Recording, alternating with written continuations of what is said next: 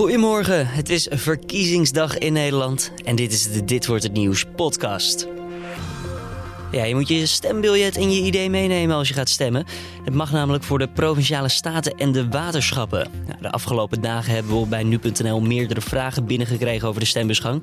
En we proberen dus straks een aantal voor je te beantwoorden met ons politiek verslaggever.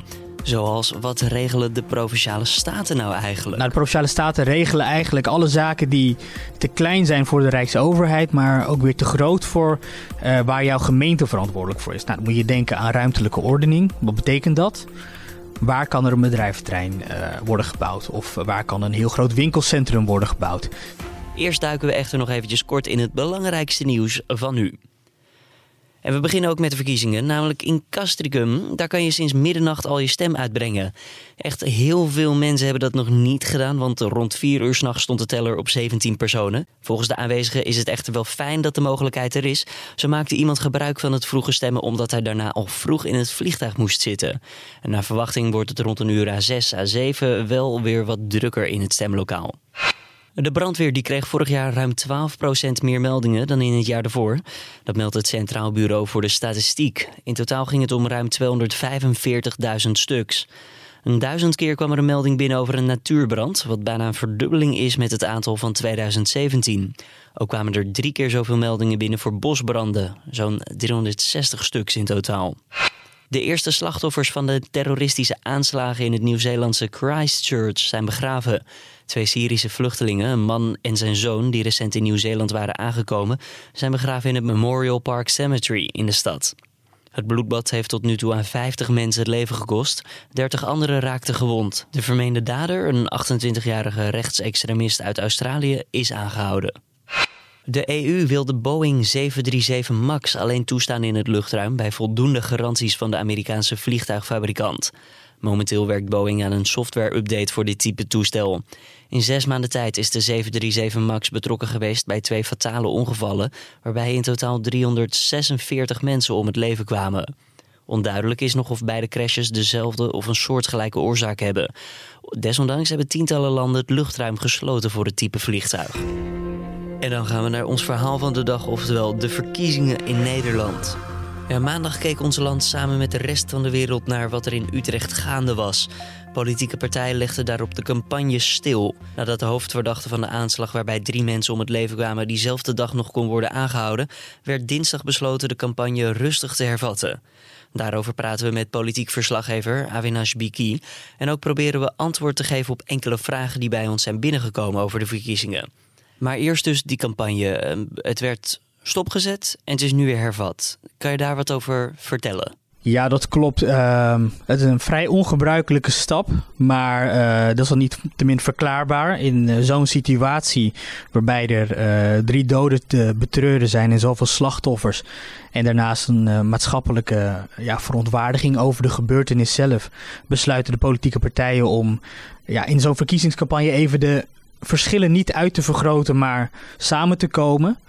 Um, nou, ik moet dan zeggen in beginsel, want het is niet iedereen die zich daaraan gehouden heeft. Ja. Um, nou, dan moeten we het weer even hebben over Forum voor Democratie. Um, in hoeverre hebben, hebben zij zich er dan niet aan gehouden? Ja, die hadden dus al een verkiezingsbijeenkomst gepland staan. die hebben ze niet afgezegd? Die hebben ze niet afgezegd, nee. Ze hebben daarna wel aangekondigd, ja, we stoppen met flyeren en dat soort dingen.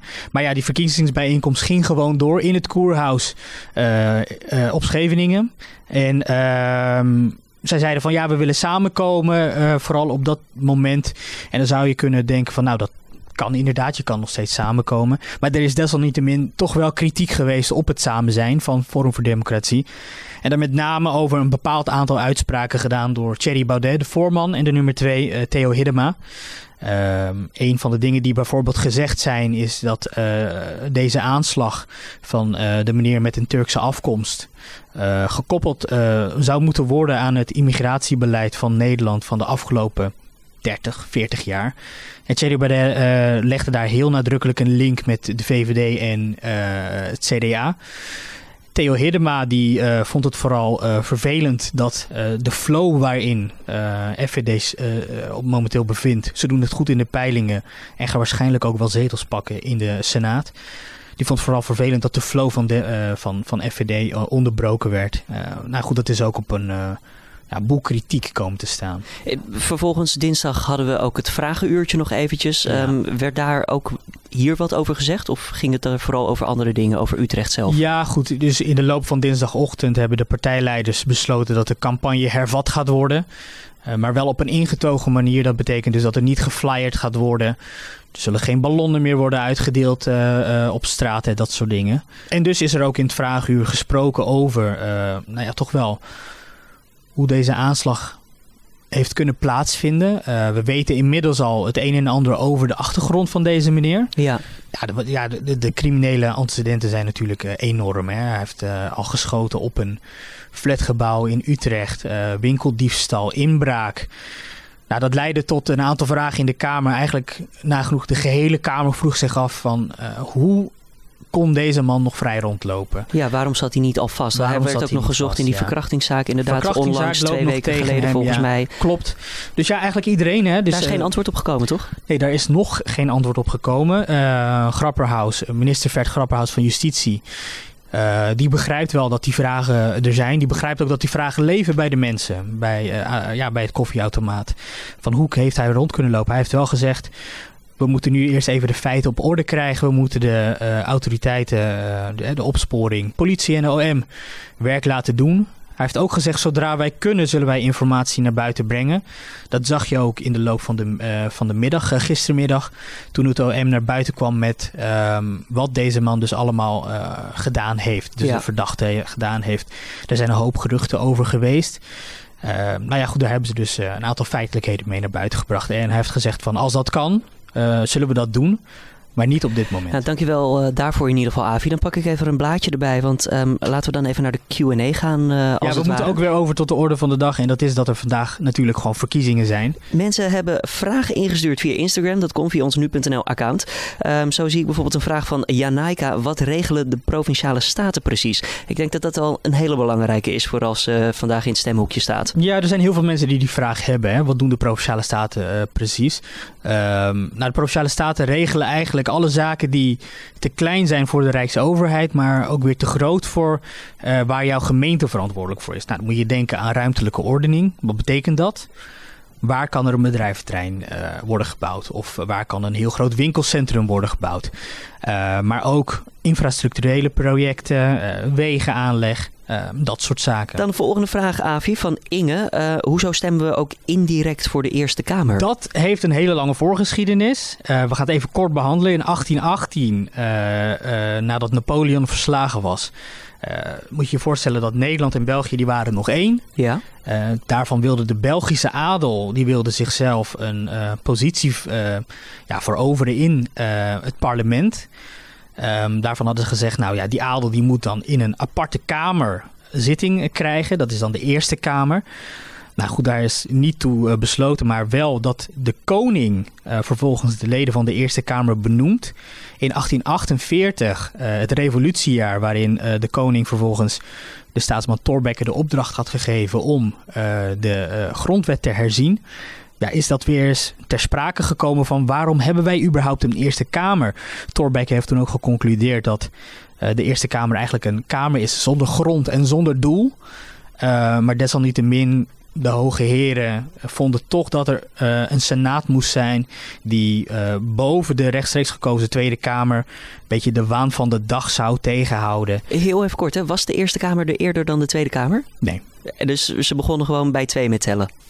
Oh, dat weet ik eigenlijk niet. Ja, toch? Het schiet me net te binnen, maar nou, goed. dat weet ik uh, eigenlijk ja. niet. Nee. nee. Ga verder. Sorry met je verhaal. Uh, um, nou, dus toen is er dus een, een, een, aparte Eerste Kamer ontstaan om een beetje de, de, de macht van de volksvertegenwoordiging, die dus wel uh, gekozen werd door het volk, in beperkte mate natuurlijk. Vrouwen mochten niet stemmen en je had nog een inkomenseis nodig. Dus dat, die kon dan een beetje uh, de Tweede Kamer in toom houden. En in de loop der jaren is dat Kijk, de Eerste Kamer heeft ook helemaal geen, uh, geen, geen functie zoals dat in de grondwet omschreven staat. Ze hebben zichzelf een rol toegedicht als een chambre de réflexion. Uh, ze vinden zelf dat zij de uh, wetten en regelgeving vanuit de Tweede Kamer en het kabinet toetsen op uitvoerbaarheid, juridische houdbaarheid. Maar ja, weet je, daar hebben we ook een raad van state voor, die dat ook al toetst. Hoor ik tussen neus en lippen door, dus eigenlijk is het niet helemaal per se nodig? Ja, die vraag kun je je afstellen, ja. ja en uh, daar zijn ook meerdere deskundigen die die vraag opwerpen. Tegelijkertijd is dat ook een beetje een politieke logische discussie. Het is er nu eenmaal. En um, wil je de Eerste Kamer afschaffen? Um, dan heb je een grondwetsherziening uh, nodig. En dat betekent dus uiteindelijk ook dat de Eerste Kamer zou moeten gaan stemmen over de opheffing van de Eerste Kamer. Ja, dus dan besluit je over je eigen toekomst. Ja, en er zijn heel veel experts erover eens dat de eerste. Ja, dat, dat, dat, dat gaan die senatoren niet doen. Zeg dan een uh, vraag van Jasper. Um, ook wel een interessante vraag. Hoe belangrijk zijn deze verkiezingen voor de uiteindelijke Tweede Kamer? Nou ja, aan de samenstelling van de huidige Tweede Kamer zal het helemaal niets veranderen. Want het zijn inderdaad indirecte uh, verkiezingen. Dat betekent dat de leden van de provinciale staten in mei uh, de senatoren zullen kiezen. Dat doen ze uh, in de regel op een senator van hun partijkleur. Dat betekent dus dat de samenstelling van de Eerste Kamer wel gaat veranderen. Nu heeft de coalitie van VVD, CDA, D66 en de ChristenUnie een minimale meerderheid van één zetel. En als je ook kijkt naar wat de peilingen, de trends in de peiling al een aantal weken laten zien, is dat ze die meerderheid gaan verliezen. En dat betekent uiteindelijk dat ze uh, aangewezen zullen zijn op uh, steun van één of uh, misschien wel meerdere oppositiepartijen. Dat zal dus voor de Tweede Kamer betekenen dat ehm, het kabinet voor voorstellen iets meer moet samenwerken met oppositiepartijen. Maar ja, misschien nog wel belangrijker. Um, er zijn een aantal partijen die, die deze Eerste Kamerverkiezingen ook zien als een goede inzet voor de Tweede Kamerverkiezingen die er nog aankomen. Ja.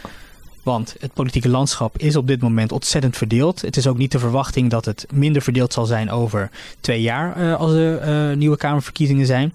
En als je nu een goede score weet neer te zetten in de Eerste Kamer, geeft dat je een hele uh, prettige uitgangspositie voor de formatie na de uh, volgende Tweede Kamerverkiezingen. Duidelijk, dan gaan we naar de volgende vraag alweer. Um, dit is van, staat er een naam bij? Ja, Arie, ik moet even goed op mijn blaadje kijken.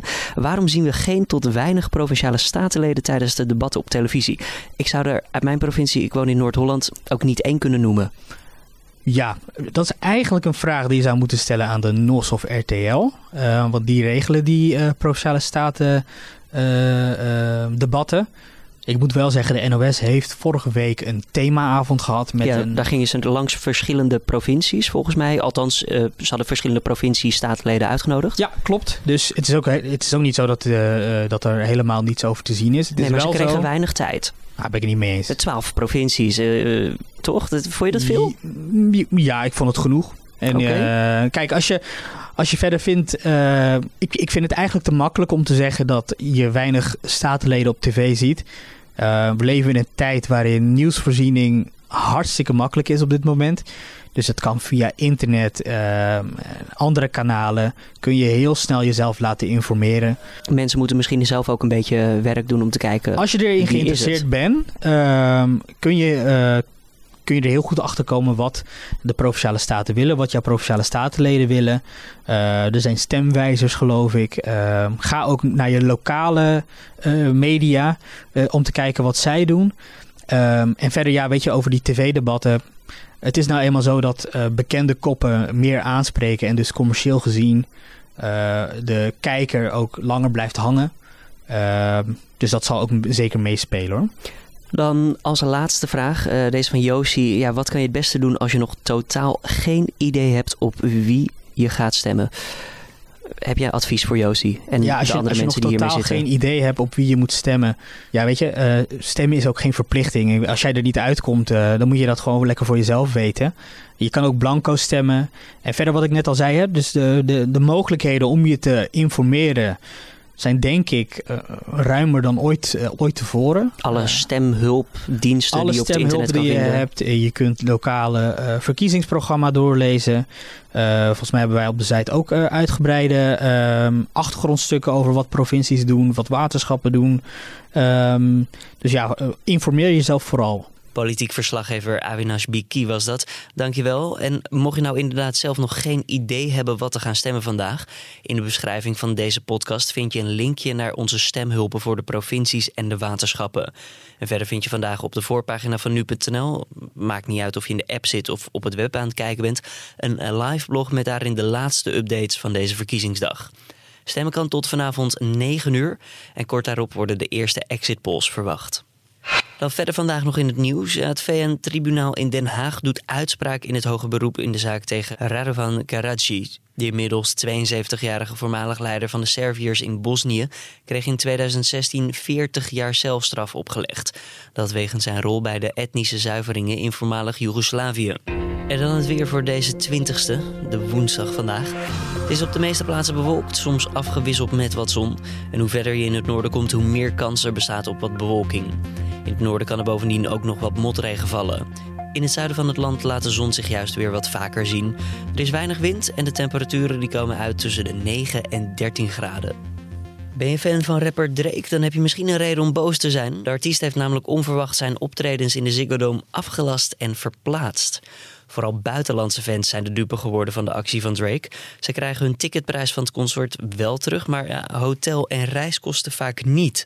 Sommigen van hen klagen op sociale media dat ze nu met een kostenpost van 1000 euro zitten. En dat dus zonder optreden van Drake.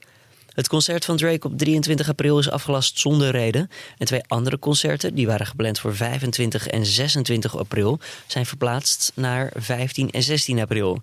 Ook daarvoor gaf de rapper geen reden. Dit was hem dan weer, de Dit Wordt Het Nieuws podcast van deze 20ste van maart.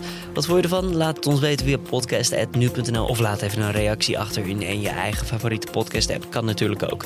We vinden het altijd fijn om er iets van te horen, want uh, met die opbouwende kritiek doen we ook echt wat. Mijn naam is Julian Dom en mocht je vandaag gaan stemmen, veel succes. Zoals gezegd kan je de hele dag up-to-date blijven over de stembusgang op nu.nl. En morgenochtend in de podcast hoor je een uitgebreide analyse met ons politiek verslaggevers Awinash Biki en Edo van der Goot. Ik zeg een goede woensdag en tot morgen weer.